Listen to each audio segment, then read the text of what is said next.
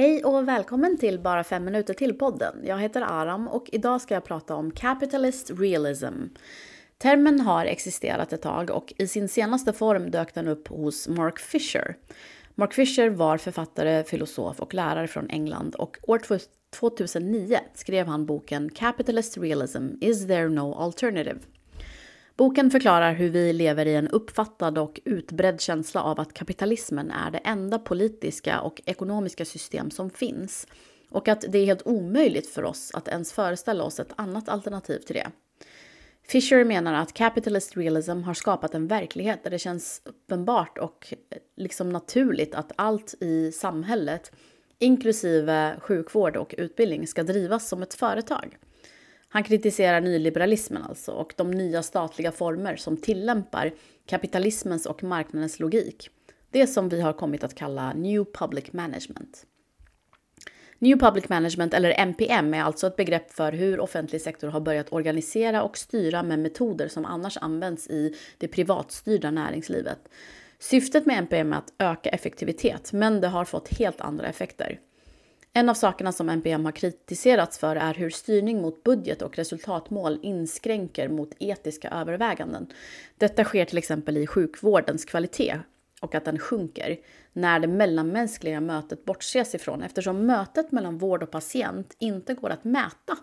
Och därmed anses det också irrelevant i ett system som går ut på mätbarhet och effektivisering av det mätbara.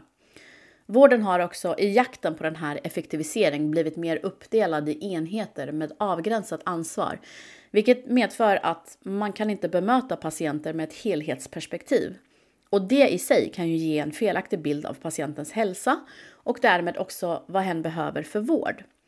Och det här avgränsade ansvaret leder också till att patienter som inte följer en viss specifik mall av symptom anses vara specialfall som sedan hamnar mellan stolar.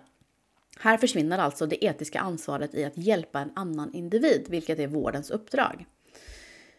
NPM har också kritiserats för att utöka den administrativa bördan, till exempel genom dokumentation. Och detta är någonting som sker väldigt mycket i skolvärlden, där lärare lägger en stor del av sin tid till att göra mer och fler kvalitetsvärderingar, nationella prov och skriftliga omdömen. Tid som då istället borde läggas på undervisning, handledning och kursutveckling.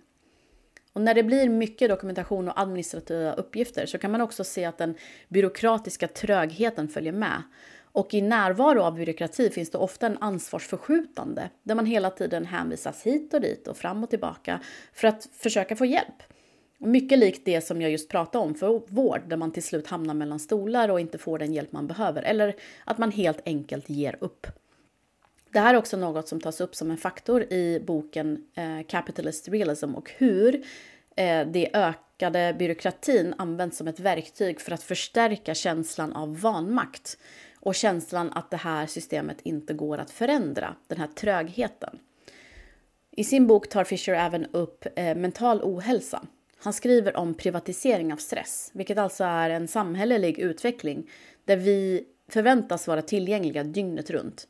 Vi kan nås via våra telefoner eller andra verktyg dygnet runt, året runt. Vi tar med oss jobbet hem, men samtidigt så förväntas vi att inte ta med hemmet till jobbet. Detta gör att vi är konstant trötta och inte har energi eller pengar nog för aktiviteter som ger oss energi. Som till exempel egna intressen inom musik och konst och så vidare.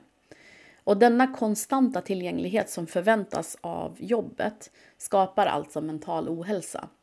Och samtidigt så är många försatta i att konstant behöva tänka på överlevnad. Eh, vilket också skapar en utarmning av kropp och själ som är svår att hantera. Och kan alltså skapa mental ohälsa.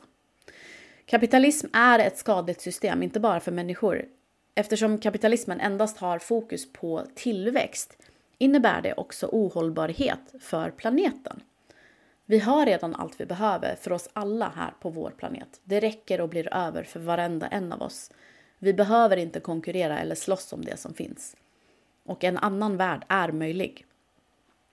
Tack för att du har lyssnat på Bara fem minuter till podden. Eh, vi ses på Instagram där jag heter aram jajar. Ha det bra!